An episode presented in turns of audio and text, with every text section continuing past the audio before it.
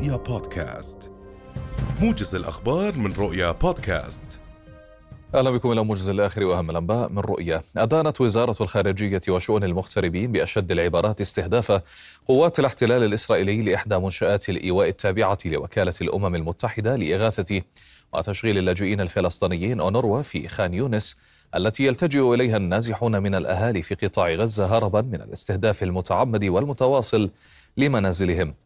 وقال الناطق الرسمي باسم الوزارة السفير سفيان لقضاء إن استمرار إسرائيل بما تقوم به من انتهاكات للقانون الدولي والقانون الدولي الإنساني ما هو إلا نتيجة لغياب موقف دولي فاعل وحازم ينهي هذه الحرب المستعرة على قطاع غزة وما تنتجه من قتل ودمار وكارثة إنسانية غير مسبوقة.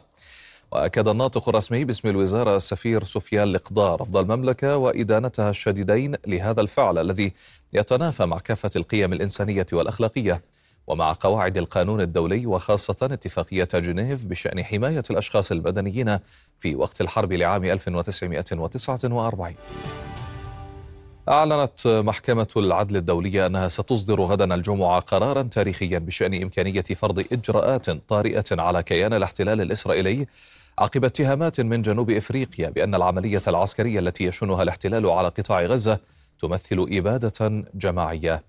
ومن الممكن أن تأمر المحكمة كيان الاحتلال بوقف حملته العسكرية على غزة. وجاء في بيان المحكمة التابعة للأمم المتحدة أن اللجنة المؤلفة من 17 قاضيا ستصدر قرارها الساعة الثانية عشرة ظهرا بتوقيت غرينتش.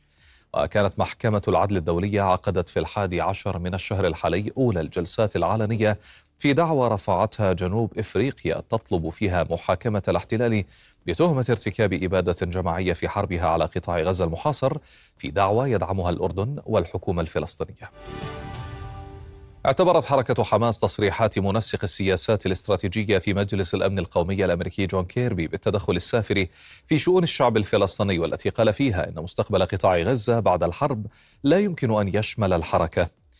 وحول جهود الوساطة لهدنة في غزة ذكرت مصادر مصرية أن العمل جار لإقناع حماس بقبول هدنة لمدة شهر. يعقبها وقف دائم لإطلاق النار. لكن المصادر قالت إن حماس تطالب بضمانات لتنفيذ المرحلة الثانية من الاتفاق من أجل الموافقة على الهدنة الأولية. وقال مسؤول كبير في حماس إن أحد العروض التي قدمتها إسرائيل هي إنهاء الحرب إذا أخرجت حماس ستة من كبار القادة من غزة. لكنه أضاف أن حماس ترفض قطعا هذا الاقتراح. استهدفت كتائب القسام الذراع العسكرية لحركة المقاومة الإسلامية حماس قوة من الاحتلال الإسرائيلي تزيد عن 15 جنديا تحصنوا داخل منزل غرب مدينة خان يونس جنوب قطاع غزة بقذيفة TBG المضادة للتحصينات وتم إيقاعهم جميعا بين قتيل وجريح.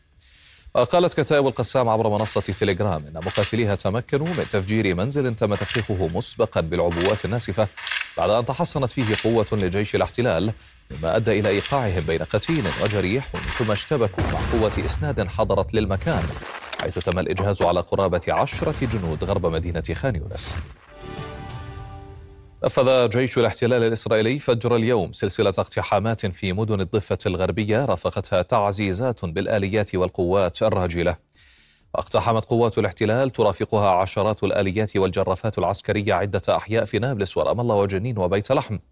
وداهمت عدة منازل وسيرت قواتها في شوارعها وسط اشتباكات عنيفة مع مقاومين.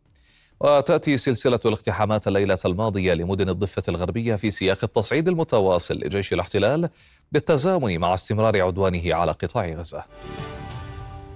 ختام الموجز في أمان الله.